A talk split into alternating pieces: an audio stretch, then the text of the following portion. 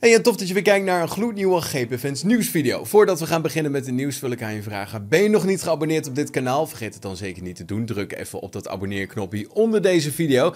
Op die manier mis je namelijk niks van het allerlaatste Formule 1 nieuws. En ook niet van onze vette documentaire. Want deze zondag gaat weer eentje live. Morgen, vrijdag, vlieg ik weer naar de Hungaroring om daar een documentaire op te nemen over de stad en over het circuit. Nou, dat wil je ongetwijfeld niet missen. Druk even op dat abonneerknopje dus onder deze video. Voor nu, laten we doorgaan met het nieuws. Want Nick de Vries heeft namelijk op zijn gedwongen afscheid bij AlphaTauri gereageerd. De Nederlander bedankt Rebel Racing en AlphaTauri, maar zegt natuurlijk wel dat het pijn doet. Na de recente gebeurtenissen heb ik besloten om wat tijd voor mezelf te nemen, weg van de sociale media, wat ik zal blijven doen. Ik wil Red Bull en Scuderia AlphaTauri bedanken voor de kans om mijn droom waar te maken. Natuurlijk doet het pijn dat de Formule 1 kans waar ik zo lang van droomde vroegtijdig is geëindigd. Maar leven is geen bestemming, het is een reis. En soms moet je de moeilijke weg nemen om te komen waar je wil zijn. Zo laat hij onder andere weten in zijn bericht. En ook zijn oude teamgenoot Yuki Tsunoda heeft zich uitgelaten over het plotselinge vertrek. Vries kon zich in zijn teamwedstrijden als Formule 1-coureur onvoldoende bewijzen. Maar Tsunoda is van mening dat de Nederlander wel de snelheid had en zegt een leuke tijd hebben gehad met Nick de Vries. Zijn vervanger is vandaag al uitgebreid bezig geweest in de garage en heeft zich klaargemaakt voor het raceweekend in Hongarije. Ja, wat zijn jouw verwachtingen van Daniel Ricciardo in de AlphaTauri? Laat het weten in de comments hieronder. Ondanks dat Red Bull Racing ver bovenaan het constructeurskampioenschap staat en met Max Verstappen ook het rijderskampioenschap domineert, gaat de ontwikkeling van de RB19 natuurlijk nog steeds in volle gang door. Het Oostenrijkse team heeft, zoals verwacht, voor de Grand Prix van Hongarije gloednieuwe sidepods geïntroduceerd. Red Bull maakt dit weekend kans om een nieuw record te pakken in de Formule 1 en hoopt met deze upgrade nog sneller te zijn.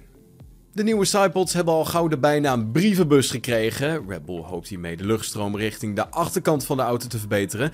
Het ontwerp van de sidepods heeft ook effect op de werking van de vloer. Iets wat cruciaal is bij deze generatie Formule 1 auto's die downforce genereren door middel van het grondeffect. En Viaplay verhoogt de prijzen. Ja, deze ochtend meldde het Zweedse entertainmentbedrijf dat ze per direct gaan reorganiseren. Als gevolg daarvan doet Viaplay een aanslag op de portemonnee van het Nederlandse publiek. De dienst vertrekt uit verschillende landen, waaronder Canada, Verenigd Koninkrijk en de VS, om zich te kunnen focussen op de Scandinavische landen. Maar ook voor de Nederlandse fans die Formule 1 willen blijven kijken op Viaplay is er goed nieuws, want het entertainmentbedrijf zal gewoon zich blijven focussen op de Nederlandse markt. Het slechte nieuws is dat helaas de klanten meer geld zullen moeten neerleggen. In Scandinavië is Viaplay zo'n 700.000 abonnees kwijtgeraakt in alleen al het tweede kwartaal van dit jaar. En buiten Scandinavië zo'n half miljoen abonnees. Nou, Nederland zou deels verantwoordelijk zijn voor dat verlies, want Viaplay liet weten dat het aantal klanten groeide in Polen, maar dan weer daalde in Nederland. Nou, toch heeft president-CEO Lindeman vertrouwen in de Nederlandse markt. Een manier waarop Viaplay hoopt de Nederlandse markt binnenkort winstgevend te maken is door de prijzen van het abonnement te verhogen. Het tarief ging afgelopen februari al omhoog naar 15,99 euro. Maar Viaplay heeft tijdens de presentatie nieuwe toekomstplannen aangekondigd waarin staat dat jaarlijkse prijsverhogingen doorgevoerd zullen worden. Nou, wanneer de eerstvolgende prijsverhoging is en wat het nieuwe tarief zal zijn, dat is nog niet bekend. Tijd om nog even het tijdenschema voor dit weekend met jullie door te nemen. Deze vrijdag om half twee is het tijd voor de eerste vrije training.